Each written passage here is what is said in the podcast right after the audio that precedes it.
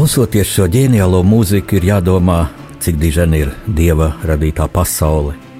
Jādomā, kāda laime mums cilvēkiem ir tajā dzīvot, un cik liela atbildība ir dzīvot šajā pasaulē. Lai slavēts Jēzus Kristus, mīļie brāļi un māsas, kristieši, visi klausītāji Latvijā, es esmu Jānis Udris, vēsturisks romāna autors ar sešām grāmatām, ar lielu dzīves pieredzi, ko bagātinājuši ilgi darba gadi žurnālistikā, īpaši aktīvi atmodas un janvāra barikāžu laikā. Pēdējo pusotru gadu desmiti strādāja valdības laikraksta Latvijas vēstneses redakcijā par ārpolitikas redaktoru, un tas man deva unikālu iespēju būt klāt nozīmīgākajos Latvijas ārpolitikas notikumos, pavadīt mūsu prezidents valsts vizītēs īpaši daudz Vairvīķu Freibergu. Tā vērojot Latvijas atgriešanos rietumdemokrātijas saimē un arī rietumu kristīgajā pasaulē. Lūk, šī pieredze un kristiešu pārliecība man ļāva izšķirties par tieši tādu šo rakstnieku pārunu stundu virsrakstu - pasaules tulkošana. Tas nebūtu nav ambiciozi, kā pavirši klausoties, varētu izlikties skan bez maz vai kā pasaules radīšana. Mm, pasaule jau ir radīta, un tas bija pa spēkam vienīgi dievam, un tādēļ pasaule arī ir tik skaista, kāda tā ir, un mums, cilvēkiem, ir iespējams vien šo pasauli apdzīvot cienīgā, šīs pasaules diženuma cienīgā veidā, ko mēs bieži vien nedarām. Es šajā un turpmākajās pārunu stundās neskaidrošu pasaules radīšanas brīnumu, kā tas notika. Tā ir garīdznieku misija. Es savu kalpošanas sūtību redzu informācijas plūdos, samudžināto faktu atšķetināšanā, tik bieži šodien publiskajā telpā sastopamo melu atmaskošanā, patiesības prezentēšanā. Īpašu vērību es veltīšu Latvijas vēstures baltajiem plankumiem un vienpusīgiem vērtējumiem, kas pēc manas pārliecības ir viens no pašiem būtiskākajiem kavēkļiem mūsu valsts straujākai attīstībai un mūsu tautas dziļākam garīgumam.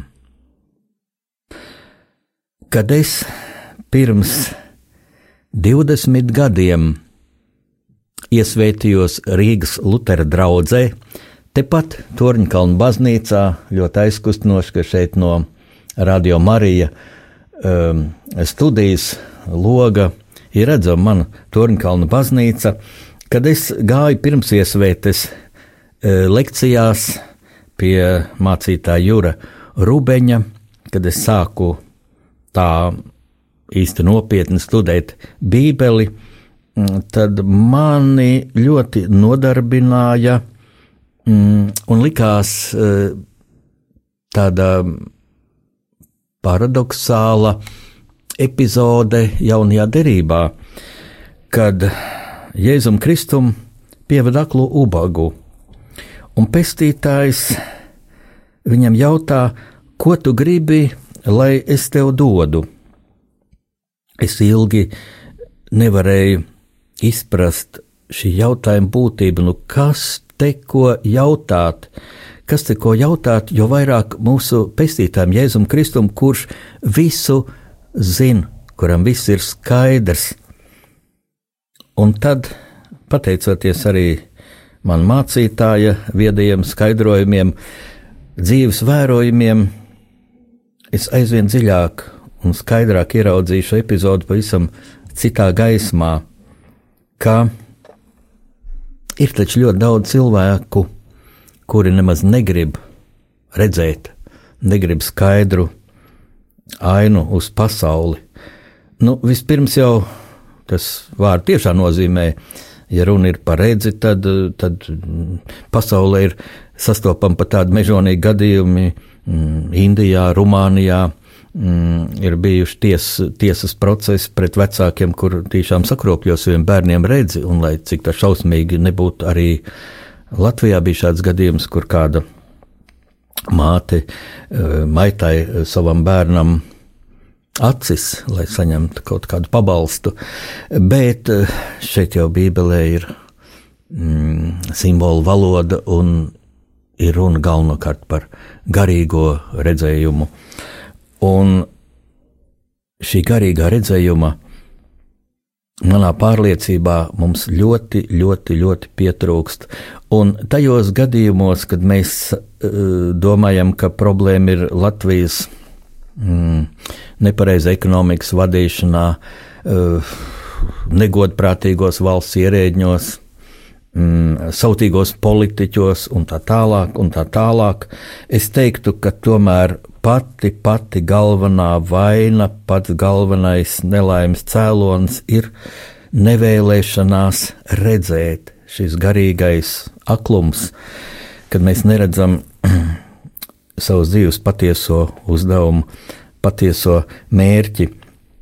Par mūsu dzīves dziļāko saturu par Dieva klātbūtni mūsu dzīvē, man bija īpaši jādomā, un es esmu pārliecināts, ka lielākajai daļai no jums, mīļie klausītāji, bija jādomā šajās janvāra nedēļās, kad mēs atcerējamies jau 25 gadus senus notikumus uz janvāra barikādēm. Un uh, es tā padomāju, arī tiekoties ik gadu 20. janvārī, mm, saimnes pieņemšanā, barikāžu laika žurnālistiem, tiekoties ar saviem e, kādreizējiem kolēģiem, mm, vērojot, kā ir sarukušas viņa rindas, jo dažs labs jau ir aizgājis debesīs, kā viņi ir pārvērtušies, citam jau ir mm, pat varbūt tāds nedraudzīgs skatījums uz uz Latviju. Nu, citi ir kļuvuši veci, citi mm, joprojām turas ierindā un ir gaiši, kā to laika barikāžu laikā. Vērojot cilvēkus, kuri mm, doma laukumā un pie Jēkabas katedrāles mm, saimnes nama priekšā mm, kurināja barikāžu ugunskurus, man bija arī tā kritiski jāpadomā, kā mēs atceramies šo barikāžu laiku, ko no šī laika atceramies, ko esam mācījušies un vai esam mācījušies pietiekami daudz no šī unikālā, unikālā vēsturiskā notikuma, ko mums bija lemts pieredzēt, un vai mēs, tā paudze, kura bija brieduma gados barikāžu laikā, mm, vai mēs esam pietiekami godprātīgi un gudri šo barikāžu uh, pieredzi nodevuši jaunai paudzei, saviem bērniem un mazbērniem. Un man te nu ir jā, jāteic, ka nē. Tā es domāju, es raugos ļoti paškritiski uz to, kā mēs iepriekšējos 25 gadus esam atcerējušies barikāžu laiku. Vispirms jau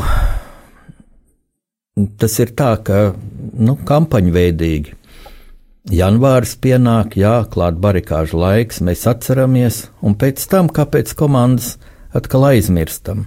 Protams, nevarētu skandināt visu laiku bija barikādas, tas bija varonīgi, tas bija skaisti, bet šīm barikāžu laika mācībām par tautas vienotību, par to gaišuma apoteozi, ko mēs barikāžu mm, janvārī 91. gadā visi redzējām un kopīgi izdzīvojām, tam vajadzētu būt mūsu sirdīs, mūsu darbos. Tas, diemžēl, nav. Un tad, uh, intervējot barikāžu dalībniekus, kuri tādi bija, vai, vai nu, tagad saka, ka viņi bija uz barikādēm, pat ir izveidojies tāds stereotips, ka uz barikādēm bija praktiski visa tauta, vismaz visi vīrieši un ka visi pārējie, teiksim, visas sievietes viņiem mm, nesa uz barikādēm ēst. Un man pat tā reizēm ir bail, ka tas nesāk kļūt jau smieklīgi. It kā galvenais uz barikādēm būtu nemitīga ēšana. Jā, barikādas bija apbrīnojami labi norganizētas, un tā skaitā arī šo barikāžu sargu ēdināšanu. Tas bija normāli un punkts. Mm, vai par to vajadzētu tik daudz runāt? Un tad man tā liekas, tas iet tā unisonā šī runa par barikāžu sargu ēdināšanu, iet unisonā ar, ar, um, ar tādām pavā, pavāru raidījumiem, ēdienu gatavošanas raidījumiem, kas ir laikam gan katrā televīzijas raidījumā, katrā. katrā. Daudz šie raidījumi ir attraktīvi. Teiksim, Mārtiņš Rītiņš, kad runā, es skatos vienkārši, lai redzētu Mārtiņa Rītiņu, bet piedodiet, cik var ēst cilvēks, taču uh, nedzīvo, lai ēstu, cilvēks ēd, lai dzīvotu.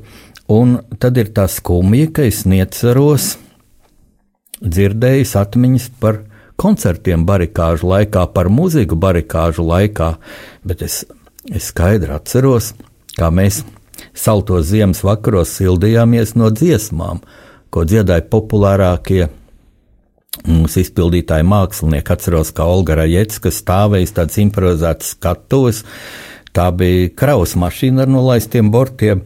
Bija ļoti, ļoti augsts vakars. Viņi dziedāja, un, un, un, un, un pa brīdim iesaucās, palēkāsim, palēkāsim, sasildīsimies. Un tā bija tā es teiktu, garīgā vertikāla atšķirībā no šīs ēdināšanas um, horizontālās plaknes, kurā mēs liecamies atcerēties barikāžu laiku un vispār vadīt savas dienas. Mūs ļoti interesē aiziet uz lielveikalu un piepirkt pilnu tačku ar, ar pārtiku un, un, un pēc tam gausties par grūto dzīvi, Nu, jā, to visu vajag, es saprotu, bet tas nevar būt dzīves centrā, jo ir skumji, ja patēriņš aizstāja vērtības. Un laikam gan vislielākā kļūda, ko mēs visi, visi, pirmkārt, es to attiecinu arī uz sevi, uz mums rakstošiem cilvēkiem, esam darījuši gadsimta ceturksni kopš barikāžu laika, ka mēs nepietiekam esam analizējuši, atcerējušies un analizējuši barikāžu garīgo dimensiju.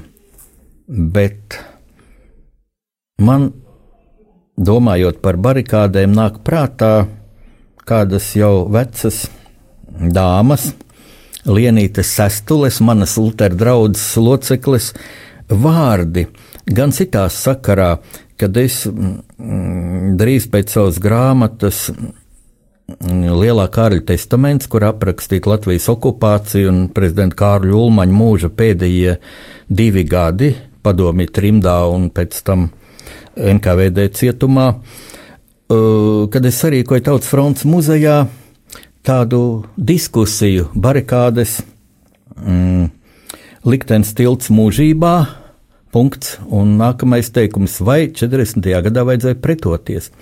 Un tur bija ļoti ieradušies ļoti redzami sabiedrības pārstāvji. Tur bija akadēmiķi, es biju lūdzis talkā no militārā viedokļa situāciju analizēt mm, manam draugam ģenerālim Kārlim Kreisliņam. Un es biju būtībā satriekts, cik šie ļoti cienījamie, gudrie cilvēki visi vienprātīgi teica, nē, ka pretoties nevajadzēja. Nebija nozīme, jo taču mm, padomju um, okupantiem bija daudz lidmašīnas, daudz tanki un, un, un tā tālāk, un mēs noteikti būtu cietuši sakāvi. Mm, es nekad rakstot savus vēsturiskos romānus, neesmu domājis, ka mēs varējām uzvarēt milzīgo sarkano armiju 39. Eh, vai 40. gadā, jo arī Somi, mm, kuri ļoti varonīgi cīnījās, tomēr bija spiestiet uz kompromisu un zaudēja daļu savas teritorijas. Tā jau ir eh, saruna dziļāka citai reizei. Bet mani mm, pārsteidz tas, ka šajā diskusijā gan mēs minējām lidmašīnas un tankus, bet neminējām tādus vārdus kā ticība, cerība, mīlestība, pienākums, paļāvība. Un tad pavērst šo diskusiju, es teiktu, tādā saprātīgā gultnē, mācītājs Guntis Kalme, cilvēks, kurus ļoti cienu par viņu patriotisko stāju, par viņu dziļo kristīgo morāli, kurš teica, ka kristiešu pienākums ir sargāt savu zemi, jo Dievs cilvēkus ir radījis brīvus, un brīvības forma civilizētā pasaulē ir savu valsts, kuru, kuru cilvēku kopi attīsta un, ja vajag, aizsargā. Bet tad piecēlās šī lienīte sestule maza, kundzīte jau, jau elegantā vecumā, Un viņa ir būtībā leģendāra personība, jo viņas tēvs Jānis Sestuls bija Nacionālo partizānu komandieris vidzemē, vidzemē un Lienīte vairākus gadus vasarā un ziemā ir dzīvojusi partizānu bunkurā, mazs bērns būdam. Un Lienīte pateica ļoti vienkārši. Viņa teica, Dievs vēro cilvēku šādos kritiskos brīžos, vēro cilvēkus, un Dievs grib redzēt, vai cilvēki ir gatavi sargāt savu brīvību. Un, ja Dievs redz, ka cilvēki ir gatavi savu brīvību sargāt, tad Dievs dod tādu pavērsienu, ko cilvēks nav pat gaidījis. Un te man nāk prātā līdzība ar mm, veco derību, kā Izraēļa tauta bēga no eģiptiešiem, kā pašķīrās jūra, un viņi varēja aizbēgt. Un, lūk, šāda, manuprāt, dieva dieva sargāšana nāca pār Latviju barikāžu laikā. Jo, ja mēs sakām, ka 39. un 40. gadā Latvija nevarēja pretoties, nebija ne mazāko izredzu. Kaut arī ģenerālis Kreisliņš, mans draugs, saka, apmēram divus, divus mēnešus varējām pretoties.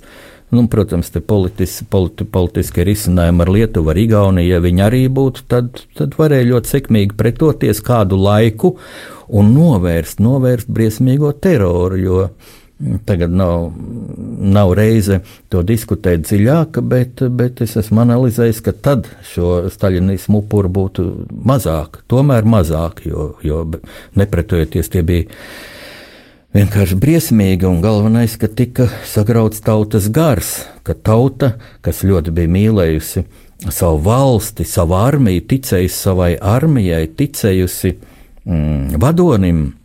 Vadonis pieņems pareizos lēmumus, varon, vadonis zina, kā vajag rīkoties, un tauta pēkšņi sajūtās pamesta, pamesta un nodota, jo Latvija netiek aizsargāta, cilvēki sāk pazust, pēc tam cilvēkus jau tūkstošiem uh, lopu vagonos aizsūta uz Sibīriju, pēc tam nāk otra vācu okupācija, milzīga emigrācija, briesmīgi skaitļi, briesmīgi zaudējumi mūsu tautai. Mēs varējām pretoties, mēs varējām parādīt, ka esam brīvi cilvēki, kas tic dievam, tic savai valstī. Nu, un lūk, barikāžu laiks kad mums nebija nekā, mums nebija šo ieroču, bet mēs jutām, kad ir kāds spēks kopā ar mums. Tā bija tautas vienotība, bet no kurienes tā nāca? Es domāju, tā nāca daudzējādi no baznīcas, no kristīgās ticības. Es atceros, doma baznīcā augām dienām un arī naktīm jaunie garīdznieki, teoloģijas studenti e, vadīja dievkalpojumus, un turpat blakus baznīcā bija kārtot operāciju zāli, uz kuru tika aiznests arī Andrs Lapiņš, diemžēl. Tur viņš arī mīra. Šis ir tāds smags temats, un es gribu, lai jums ir mazliet attēlpa arī pārdomāt, ko es teicu. Es ceru, ka jūs man Mm, galvenajos, gal, galvenajās teizēs piekrītat, ja ir citas domas, es būšu priecīgs uzklausīt, lasīt jūs vēstules, bet tagad, es domāju, brīdis mūzikai.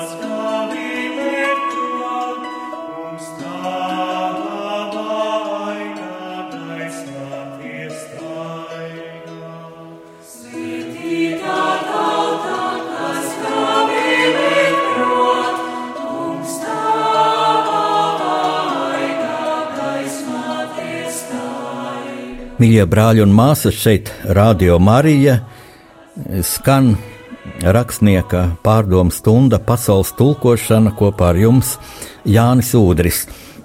Es mm, tā aizrāvos ar barikāžu laiku, es nespēju būt vienaldzīgs par to. Pats biju šajos notikumos, un tūdaļ es gribu teikt, ka tie īstie barikāžu sargi bija zemkopji no Jā, kolhoznieki, jo to laiku jau visi zemkopi bija kolhoznieki, kas organizēti ieradās ar autobusiem, ar, ar, ar traktoriem, ar smagajām mašīnām no savām saimniecībām. E, signālu šādai rīcībai bija devis zemkopības ministrs mm, Ģēģers. Tas viss bija ļoti eh, skaisti organizēts, un bieži vien šie lauku cilvēki nemaz nav televīzijas ekrānos un nedod intervijas, jo viņi dzīvo savos laukos. Daudzi, diemžēl, ir arī sarūktināti, jo tieši lauki ļoti cieta no ekonomiskiem pārkārtojumiem. Tas atkal būtu uh, cits sarunas temats. Es gribētu kādreiz tam pieskarties, ko Latvijas laukos varēja darīt savādāk, ko tagad vajadzētu darīt ko mums vajadzētu prasīt no, visiem, no saviem politiķiem. Bet Šie vīri bija tie, kas bija ieradušies, kārtīgi saģērbušies, tā kā uz medībām iet, tādās drēbēs. Eh, gribu pasvītrot bez ieročiem, jo bija ļoti svarīga šī koncepcija, nevardarbīgā pretošanās, ka nedrīkst būt šaujamu ieroču. Pretinieku pusi to tikai gaidīja. Eh, un Daudzi citi cilvēki, kas ir apbalvoti ar barikāžu medaļu, tajā skaitā arī es, protams, atradās uz šīm barikādēm, bet citā nozīmē. Es neesmu nevienu nakti dežūrējis pie ugunskura, un es abrīnoju to cilvēku izturību, kas to varēja. Man bija citi uzdevumi tajā laikā, kā žurnālistam. Es biju akreditēts parlamenta preses centrā. Uh, es devu mm, informāciju par notikumiem uz barikādēm ārzemēm, un būtībā tas bija tas galvenais ierocis Latvijai mm, pasaules eh, uzmanība, pasaules atbalsts. Jo svarīgāks tādēļ, ka tajā laikā sākās amerikāņu karš Persijas līcī. Un, protams, tas piesaistīja vispirms pasaules uzmanību, un lai aiz šiem notikumiem dzirdētu, kas notiek Viļņā, kas notiek Rīgā, kas notiek Tallinā, uh, Tur bija ļoti svarīgi gan Latvijas žurnālistiem ziņot uz ārzemēm, bet, bet šī tehnoloģija, šie sakari vēl nebija tā īsti iestrādāti. Ļoti svarīgi bija, mm, lai maksimāli e, mūsu, mūsu notikumus atspoguļotu tie ārzemju žurnālisti, kas ieradās e, Rīgā. Un, lūk, mans pienākums blakus paša mm, publicistiskajai darbībai bija mm, tāda šefība par šiem e, žurnālistiem. Es viņus vadīju pa barikādēm, tulkoju intervijas ar barikāžu sargiem. Es viņus vedu arī pie mm, Tautas frontes līderiem, pie šī barikāžu aizsardzības štāba, pie mūsu parlamenta spīkera Gorbunova. Uh, viņi, starp citu, gribēja intervēt arī interfrontes līderus, un tas bija tas smagākais, kad es viņus vedu arī tur, un arī tulkoju šīs sarunas, tad ar sakostiem zobiem jau ir jau grūti mīlot Latviju, nīstot uh, Latvijas ienaidniekus, uh, tomēr korekti sēdēt un tulkot. Un, nu, pēc tam es, protams, paskaidroju, kur bija tie tādi nu, nekrietnākie meli, es arī darīju tā, ka šos ārzemju žurnālistus vispirms veidu pie interfronts līderiem, lai tie tur savus, savus nekrietnības pastāst, un pēc tam vedu pie mūsu oficiālajām amatpersonām, pie, pie parlamentu vadītāja, pie tautas fronts vadības. Un lai viņi mm, lūdzu komentēt šos interfronts me melus. Un tas bija tāds labs darbs, bet ļoti svarīgi bija tieši tādi vizuālie vērojumi, ko kas daudzos gadījumos man pašu satrieca par mūsu tautas cildenumu un par šo pretstāvošo spēku nekrietnību. Un kas burtiski šokēja ārzemju žurnālistus. Viena tāda epizode bija mm, dienu pēc tam, kad uh, omonieši bija uzbrukuši vecmīlgrāvja tilta sargiem. Viņi bija šos vecmīlgrāvja tilta sargus piekāvuši un aizdinuši projām. Uh, Un mēs ar vienu, vienu dāņu žurnālistu braucām tur uz Vecmīlgrāvi tiltu, skatīties, nu, kas tur ir redzams. Tur bija mm, šīs nu, nocietinājumu, tilta nocietināšanai izlietotās mašīnas bija sašauts ar automātu kārtām, un prokuratūras izmeklētājs skaitīja, kuri loža caurumu, meklēja patronus, tādus lietišos pierādījumus, ļoti skrupulozi. Mēs tur parunājām, un, un mans dāņu kolēģis viņu intervēja. Tad man uzmanību piesaistīja dūmi no ugunskura, kurš bija tāds izpārdīts, tā kā nodzēsts, bet joprojām gruzdēja. Skatījos, kas tur gruzd un kas tā īpatnēji smaržo. Un es ar savu dāņu kolēģi piegāju pie ugunskura, un tur omonieši bija sasvieduši maizi. Nu, tā kā tie e, barikāžu sargi, kad gāja sardzē, nu, latviešu sievietes, viņu sievas, viņu mammas, viņu meitas satēja sviestmaizes līdzi. Un lūk, šis sviestmaizes bija sasviestas ugunskurā un sabradāts ar kājām, ar šiem karavīru zābakiem. Un tieši no tā es sapratu, ar, ar, ko, ar ko mums ir darīšana, kas mums pretī stāv. Un tajā barikāžu laikā es arī sāku izdot uh, avīzi Ābeli ar Latvijas zemkopības Latvijas zemniecība, zemniecības fondu. Viņi vēlējās izdot avīzi jaunajiem zemkopiem, un mēs šo avīzi jau bijām sagatavojuši 19. gada decembrī, kad janvāra sākumā avīze sāks iznākt, bet homonieši ieņēma preses namu. Bija jāmeklē cita tipogrāfija. Nu, redakcija telpas nevajadzēja, avīze nebija liela. Es gatavoju viņu mājā.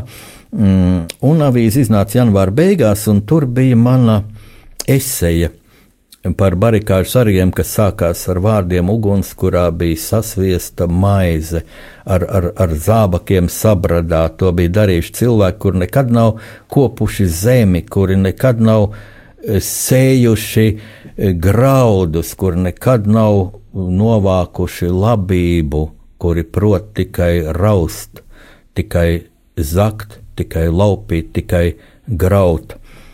Un bija fotografijas sērija, kurā mm, Tagad jūs bieži varat redzēt mm, tādās retro izstādēs mm, šīs barikādas, traktorus, dzelzbetona konstrukcijas, smagās mašīnas, bet tas ir, tā ir nedzīva matērija. Bet īstie sargi bija cilvēki, un lūk, mūsu fotografijas sērijā bija šie cilvēki, viena kundzīte, kas sēž uz barikādēm un āda. Un tad viena jauna, skaista sieviete, baltā kažokā, eh, ar bērniņu uz rokām, un blakus viņas vīrs, kas bija slavenais ielu muzikants, Imants Kuja, mans draugs. Vienmēr vecrīgā, kad es redzēju viņu spēlējumus, piegājāmies, parunājāmies. Imants Kuja spēlēja saksofonu, šā, šādu fotografiju.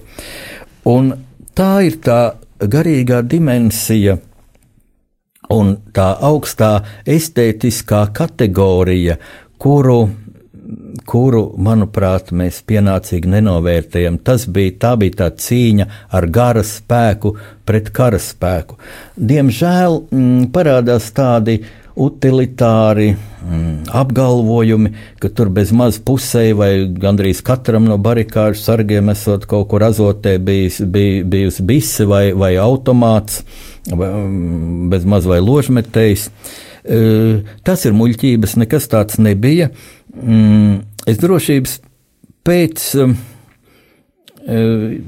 vēl vakar, pirms nākt uz Rādio Marijas studiju, mm, runāju ar savu draugu, slaveno dziednieku Rolandu Tiltiņu, kurš arī bija uz barikādēm. Pie tam viņam bija īpašs uzdevums. Rolands Tiltiņš padomju okupācijas laikā strādāja milicijā. Un viņam bija jau diezgan augsta virsnieka pakāpe, viņam bija ievainojumi cīņā ar bandītiem. Viņš bija smagi sadurts. Uh, Tagad kādu klausītāju varbūt varētu šokēt, kā tā Latvijas strādāja milicijā. Ziniet, tā bija liela nelaime, ka tik maz latviešu bija milicijā, jo mēs bijām, bijām praktiski Rīgā neaizsargāti pret, pret šo imigrantu uzbrukumiem pret, pret, pret citautu uh, huligāniem bija, bija briesmīga kriminogēnā situācija un īpaši briesmīga tieši latviešiem. Lauku pilsētņās bija, bija labāka situācija, kur bija latviešu milicijā. Tā bija liela nelaime, atšķirībā no, no lietuviešiem, kuri, mm, kur, kur tu nevarēji citautiet atrast ar, ar uguni, atrast milicijā.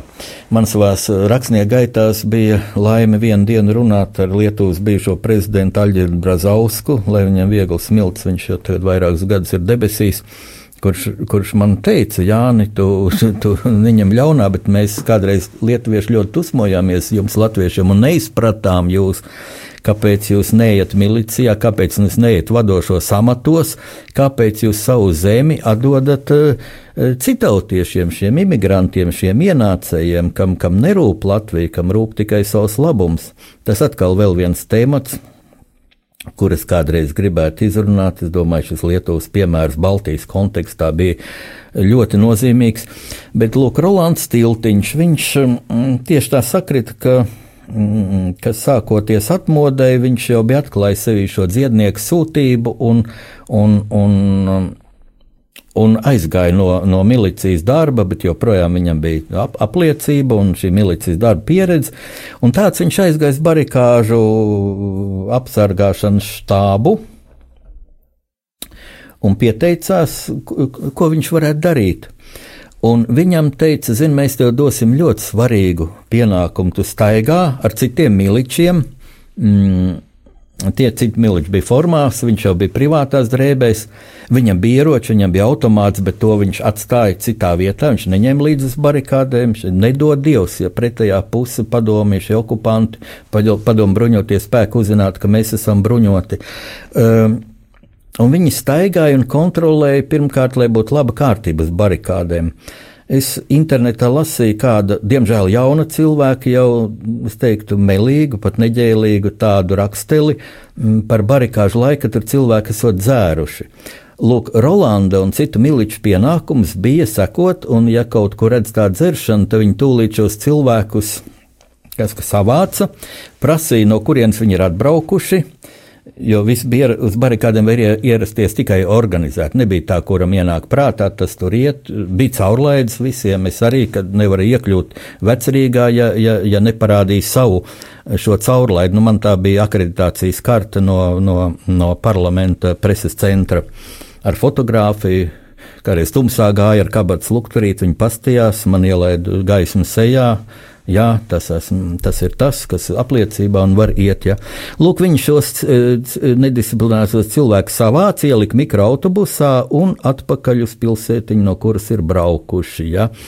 Un tad Rolands saka, ir kaut kāda informācija pienāca, kāds it kā bija redzējis, ka vienā smagajā mašīnā, kas no laukiem atbrauks, vienam ir automāts kaut kur cilvēks dabūjis. Un tad viņi bija meklējuši šo automātu, lai atrastu, jo tas bija liels briesmas. Un Nu pat uh, janvāra vidū, 15. janvārī, mm, bija ļoti nozīmīgs notikums, kuru es pat sauktu par centrālo notikumu barikāžu ceturdaļu gadsimta atcerē. Tā bija zinātniska konference mūsu Zinātņu akadēmijā. Viņai tāds uh, ļoti precīzs nosaukums - barikādes, kolonas pilsoniskā pretestība pretautiskai varai un tās mācības. Konferences bija ļoti augstā līmenī. Tur bija paredzēta arī mūsu valsts prezidenta Vējoņa uzruna. No Vējonas, diemžēl, jau bija sasirdzis un nevarēja ierasties, lai Dievs dod viņam mm, ātrāk atvesļoties. E, bet e, šo konferenci atklāja Zinātņu akadēmijas prezidents Ojārs Pārītis, un tur bija ļoti interesantas filmas pirmizrādi. Iedomājieties, 25 gadus kopš barikādēm e, filma, mm, kas saucas Barikādes, piedzīvo pirmizrādi. Šo filmu mm, sagatavojas video centrs, kurš vairāk neeksistē. Mm, un pat šī filma e, ieraudzīja dienas gaismu pateicoties mana drauga Jāņa Zepa, unikāla cilvēka, tādai patriotiskai stājai, kurš barikāžu laikā saglabāja unikālos materiālus un sekmēju to noviešanu līdz kondīcijai. Jo vairāk tā ir ļoti cildena rīcība, tādēļ, ka mans draugs jau 14 gadus ir paralizēts. Viņš dzīvi vada ratiņkrēslā un vienalga ļoti daudz dara. Latvijai. Viņš arī runāja šīs filmas prezentācijā. Un filmā ir unikāla epizode, kas arī Latvijai ir maz zināma. Lūk, Gvido Zvaigzne, operators, smagi ievainots, aizvests uz pirmo slimnīcu, uz reanimācijas nodaļu, guļ uz operāciju, operāciju galda. Un šajā brīdī mācītājs viņu kristīja. Jā, mācītājs To, ka tas ir mācītājs, nu var saprast pēc, pēc vārdiem, kas tiek runāti, pēc, pēc ūdens, kas tiek likts pie pieres, bet uh, mācītājs, protams, ir ieģērbts nu, tā kā ārsts, baltās drēbēs ar, ar, ar aizietu muti. Un um, stāvot 20. janvārī pie barikāžu atceras ugunskura, Mm, es sastapu daudz interesantu cilvēku, starp tiem arī Mārtiņu Šicu, tagad mūsu parlamenta deputātu, kurš barikāžu laikā bija ministru prezidenta Godmaņa padomnieks veselības aizsardzības jautājumos. Un Mārtiņš Šits saka, ka tieši viņš bija tas, kurš bija mm, radījis iespēju kristīt Gvido zvaigzni, ko, ko protams, gribēja viņa uh, tuvinieki. Uh, Un ko gribētu, laikam, katrs no mums, no kristiešiem, bet eh, pirmā slimnīcas vadība jau toreiz eh, bija ar citu vērtību sistēmu, un tur bija kāda dāma, mm, Orlova, nezinu, kādā amatā viņa bija, kur, kur bija uh, histēriski bļāvus, ko jūs iedomājaties, kādas ir kristīšanas, kāda te mācītāji, nu, cilvēku vajag operēt. Nu, cilvēkam, kurš ir svešs no, no kristīgās pasaules, no kristīgajām vērtībām, nu, varētu būt arī tāda tāda tā domāšana. Un tad, nu, jāteic paldies Dievam, ka Mārtiņš Šits bija ļoti augstā amatā. Viņš bija valdības vadītāja tiešais pārstāvis, padomnieks, un viņš burtiski bija pavēlējis. Arī būdams ārsts, un bija teicis, ka nekas, nekas nenotiks slikts, un, un, un ka notiks liels labums, un mēs kristieši laikam gan nešaubamies par to, cik svarīgi bija, ka eh, Gvido zvaigzne aizgāja mūžībā nokristīts. nokristīts. Uh, lūk, šāda epizode, bet bija ļoti būtisks mm, pavērsiens šajā mm, 15. janvāra konferencē ar jauno zinātnieku, jauno vēsturnieku diskusiju. Mm, otrajā konferences daļā iznāk priekšā jauns vēsturnieks Edgars Engīzers un piesaka, ka viņš vadīs tagad diskusiju, kurā būs septiņi mm, jauni vēsturnieki, jaunā paudze, kas ir dzimuši nu, apmēram tad, kad bija barikādas. Tādi cilvēki, kuriem ir no 20 līdz 30 gadiem, mm, pieci no Latvijas, un viens no Lietuvas, viens no Igaunijas. Un Edgars Engīzers saka tā. Mm, Tēze, kas tā zālē lika tā saspringt mazliet, viņš saka, es atļaušos teikt, ka mēs ar sakarā to, ka objektīvi iemeslu dēļ mēs nebijām uz barikādēm, mēs vienkārši nebijām piedzimuši, varam uz šiem notikumiem raudzīties objektīvāk. Un ziniet, ka noklausījos visus šos referātus, kur, kuros arī bija tāda kā kritika pārāk lielai emocionalitātei, kā mēs to mm, nu, pieļaujam, atceroties barikāžu laiku, un pēc tam atkal aizmirstot, ja tad, tad, tad uzplūda emocionāli. Vai arī man bija tā kritiski jāpaskatās, kad es saku, nu, mm, kāda nelaime, ka šie cilvēki, kas bija uz barikādēm, pēc tam aizgāja no politikas. Uh, ja viņi būtu palikuši, tad viss būtu bijis daudz savādāk, droši vien. Nu, man bija kritiski jāpaskatās uz šo savu tēzi, jo ne jau visi aizgājis pol no politikas, daudz mēģināja turpināt politisko darbību, bet neveicās, jo nu, tā ir tāda politiskā realitāte. E, bet e, mūsu visa atbildība laikam ir tā, ka mēs nesaglabājām šo lielo pašapziņu, kas mums bija uz barikādēm, barikāžu laikā. Un ka mēs šo pašapziņu nepārvērtām prasīgumā pret tiem cilvēkiem, kurus mēs deleģējam politikā, jo neviens jau parlamentā bez, neiekļūst bez mūsu līdzdalības. Mēs viņus ievēlam. Un pēc tam mēs gaužamies, cik viņi ir slikti, un tad pienāk vēlēšanas, mēs atkal par viņiem balsojam, un es ilgi nevarēju saprast, kā tas tā var būt, kad it kā kāpj uz tā paša grābekļa atkal un atkal. Es te tūdaļ gribu teikt, ka es neaģitēju savā pārunās ne par vienu partiju. Es neesmu viens partijas biedrs.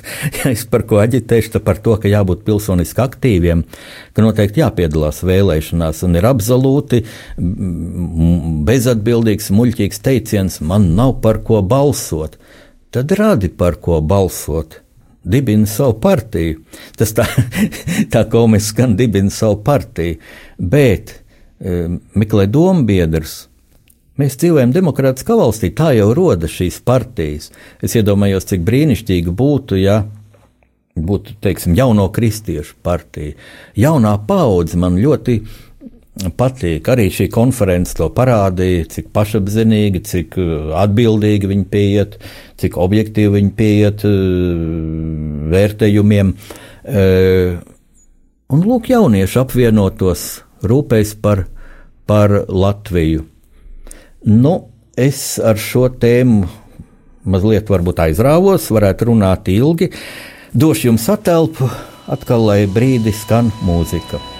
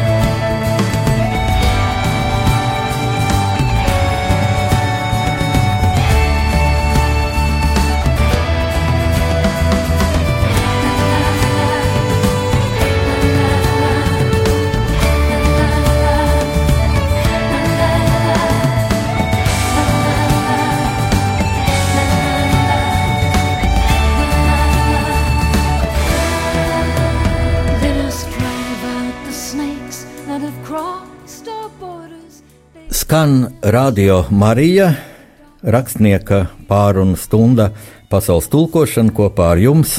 Šajā stundā Jānis Udris, vēsturisku romānu autors.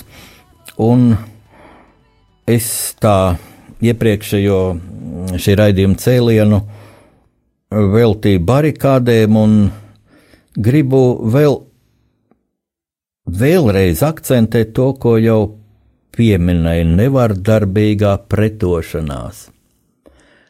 Ir ļoti svarīgi, kā mēs nākamajai paudzei, nākamajām paudzēm, teiksim, barikāžu dalībnieki, jo tad saviem mazbērniem, mazmazbērniem savos nostāstos, kā šodienas žurnālisti fiksējot barikāžu dalībnieku atmiņas, kā saglabāt šo laiku, tad ir ļoti svarīgi, lai būtu šī kategoriskā koncepcija nevardarbīgā pretošanās jo šo tēmu arī skāra viens no jaunajiem vēsturniekiem savā konferences ziņojumā 15. janvārī. Un e, šī jaunā cilvēka mm, tēze izraisīja arī iebildumus. Iebilda pat viesu lektors, Princetons Universitātes slavens profesors. Bet es tomēr gribētu ļoti aicināt ļoti nopietni padomāt par šo tēzi. Un tēze bija tāda, ka vēsture liecina, jo vairāk kādā uh, notikumā bijis upuru asiņu, jo, jo spilgtāk tas ieiet vēsturē un dzīvo pēc tam cilvēku atmiņā. Tas skan briesmīgi, bet tas jau nav aicinājums uz asinīm, uz vardarbību. Nē, tas vienkārši vērtējums tam, kā bija, un tad man tā jāatceras, ka es bieži esmu vērojis, ja, gan savas paudzes cilvēkos, gan arī jaunākos cilvēkos tādu nevērīgu attieksmi pret mūsu valsti, nu, š, nu, šo valsti nu, nu, neviens jau nekrita, nedēļa dzīvību. Nu, dzīvību atdeva, ja septiņi cilvēki atdeva dzīvību mm, barikāžu laikā. Lietuvā tie bija 14. Tie ir nu, būtībā simboliski upuri. Ja katra cilvēka e, nāve ir traģēdija, bet tie nebija simtiem, tie nebija tūkstošiem upuru. Kā starp citu citās šīs ļaunuma impērijas vietās, kā Baku, kā Kalnu Karabahā, kā citur, kā citās vietās pasaulē, kā bija Dieva sargājošā roka acīm redzot. Un, un tad nu, jautājums, vai tad tiešām mums vajag šo asiņu cenu, vai mēs esam tik akli, lai neredzētu Dieva sargājošo roku. Un te atkal lūk, pieved Jēzum šo aklu ubagu, ko tu gribi, lai es tev dodu? Nu, saskatīsim to, ka Dievs bija ar mums, ka Dievs mūs sargāja, jo šajos jauniešu referātos parādījās tāda analīze, kam arī daži negribēja piekrist, bet jaunais cilvēks, domāju, pateica objektīvu patiesību. Ja padomju armijai būtu dot pavēli, kaujas pavēli tā pa īstam ar tankiem iet uz barikādēm, nu, viņš teica apmēram mm, 20-40 minūšu laikā barikādas būtu ieņemtas vienā vietā. Un tad nu, bija sašutums, kā tur taču daudziem bija bises un automāti. Niet, barikādas pārāk nopietnas vēsturisks fenomens, lai tā mētētos ar kaut kādām spekulācijām, nu nebija ieroču. Bija ugunsdzēsēja mašīna ar šļūteni, kas lieta ūdeni, bija, bija vīri ar kādiem stekiem rokās, šaujam ieroču nebija, un nedrīkstēja būt tāda bija šī koncepcija, un tad man nāk prātā, viena veca tantiņa, kuras satiku uz Dzirnavielas, kur arī bija barikādas ap starptautisko telefonu centrālu, ļoti svarīgu objektu. Un viņi bija atbraukusi kopā ar smiltenes vīriem, sargāt barikādas. Es saku, māmiņa, ko te jūs šeit darāt? Es vāru zupiņu saviem puišiem, nu labi, es saku, tantiņ, bet ja tanki nāk virsū, viņi teica, tad es gulšos apakšā zem, zem ķēdēm tiem tankiem, un tad viņi teica, lai, krie, lai, lai, lai krievi nāk un laiz manas asins, un saka, kāda, Latvie, kāda tiem latviešiem kādas garšīgas asins. Tas kam briesmīgi, bet, bet, bet to brīdi manā Mm, acīs bija asaras, un manam ārzemju kolēģim, kurus pavadīju, bija acīs asaras. Un, un es pat uzrakstīju vienīgo savu, savā mūžā dzējoli. Esmu prozaicis vienīgo dzējoli par šo barikāžu laiku. Un tur bija tādi vārdi, jā, ko tantiņa darīs brīdī pret, pret eh, tankiem, kad spēki kļūs vārgi, zem ķēdēm gulšos, tā teica, lai jaunie dzīvo man dārgi. Barikāžu atcerē 25. gadsimta nu jau ieiet vēsturē. Jautājums, kā mēs tālāk dzīvosim, ko mēs no šī barikāžu mantojuma paņemsim līdzi, jo šogad šī atcerēšanās bija gudrāka, profesionālāka. Eh, Saima izdeva 91. gada mm, barikāžu laika stenogrammas ko, un, un, un preses relīzes, ko preses centrs izdeva. Ļoti unikāli dokumenti.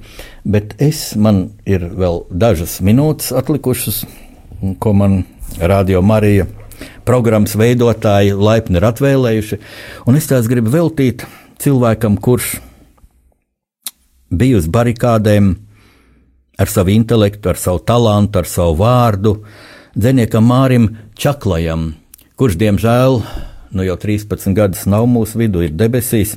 Mm, Māris bija man vairāk kā draugs, Mārs bija mans ticības brālis, jo pirms 20 gadiem, 96. gada pupoles veidienā, Juris Rubenis mūs abus tepat blakus, kāds pārsimts metrus no radio Marijas studijas, iesvētīja. Mēs stāvējām blakus un nometāmies ceļos, blakus plec pie pleca ar Māru Čaklo. Māris aizgāja mūžībā pāragri. 2003. gadā viņam bija vēzis, Un viņš zināja, ka viņš mirst, jo vasarā tika izdarīta operācija, kas bija novēlota, un ārsti tā arī pateica tuviniekiem. Māris arī to bija sapratis. Viņš teica, izdo, uzrakstīt un izdot savu pēdējo grāmatu. Tā bija dokumentālā. Dokumentālās prozas grāmata izaicinājums par prezidentu Vairu Vīķu Freibergu, bet grāmatā ir iekļauts dzējolis. Un par šo dzējoli Mārs teica īpašus vārdus pāris nedēļas pirms savas aiziešanas debesīs, kad Rīgas Latviešu biedrības namā notika šīs grāmatas prezentācija. Mārs teica, ziniet, tā grāmata, nu, grāmata pabieza, varbūt kādam nav laiks izlasīt, bet es jūs ļoti lūdzu izlasiet šo manu pēdējo dzējoli. Un tad es tā sirdī apsolīju Mārim, kad vien būs iespēja, es cilvēkiem celšu priekšā šo dzējoli. Un atļaujiet man šo pārunu stundu, šo pasaules tulkošanu šodien beigt ar Māra čaklā dzējoli. Manas tautas uzrautie pleci, debesis un jūras ziluma vidū atliekušies, un skatieties, vecīši, kraukļiem pāri Latvija lido ejus, vaļi un pasaules balsti, un tu visu zinošais pots, divreiz gadsimtā izplēst sev valstī, tas ne katrai tautai ir dots. Manas tautas kaisītie kauli, puses pasaules sniegos un smiltājos sakļāvušies. Un atceries, auļojot, tev ir jātop kaut spraislim šai tiltā, ejus vaļi un pasaules balsti, un tu visu zinošais pots, divreiz gadsimtā izplēst sev valsti, tas ne katrai tautai ir dots. Manas tautas cerības trīsošās, tā kā svecītes čakstes alejā nenopūšamas, rētas vien dzīstošas, bērnu balsīs šai pasaules malā. Ejus vaļi un pasaules balsti, un tu visu zinošais pots, divreiz gadsimtā izplēst sev valstī, tas ne katrai tautai ir dots. Manas tautas uzrautie pleci, debesu un jūras ziluma vidū atliekušies, un skatieties, vecīši, kraukļiem pāri Latvija lido.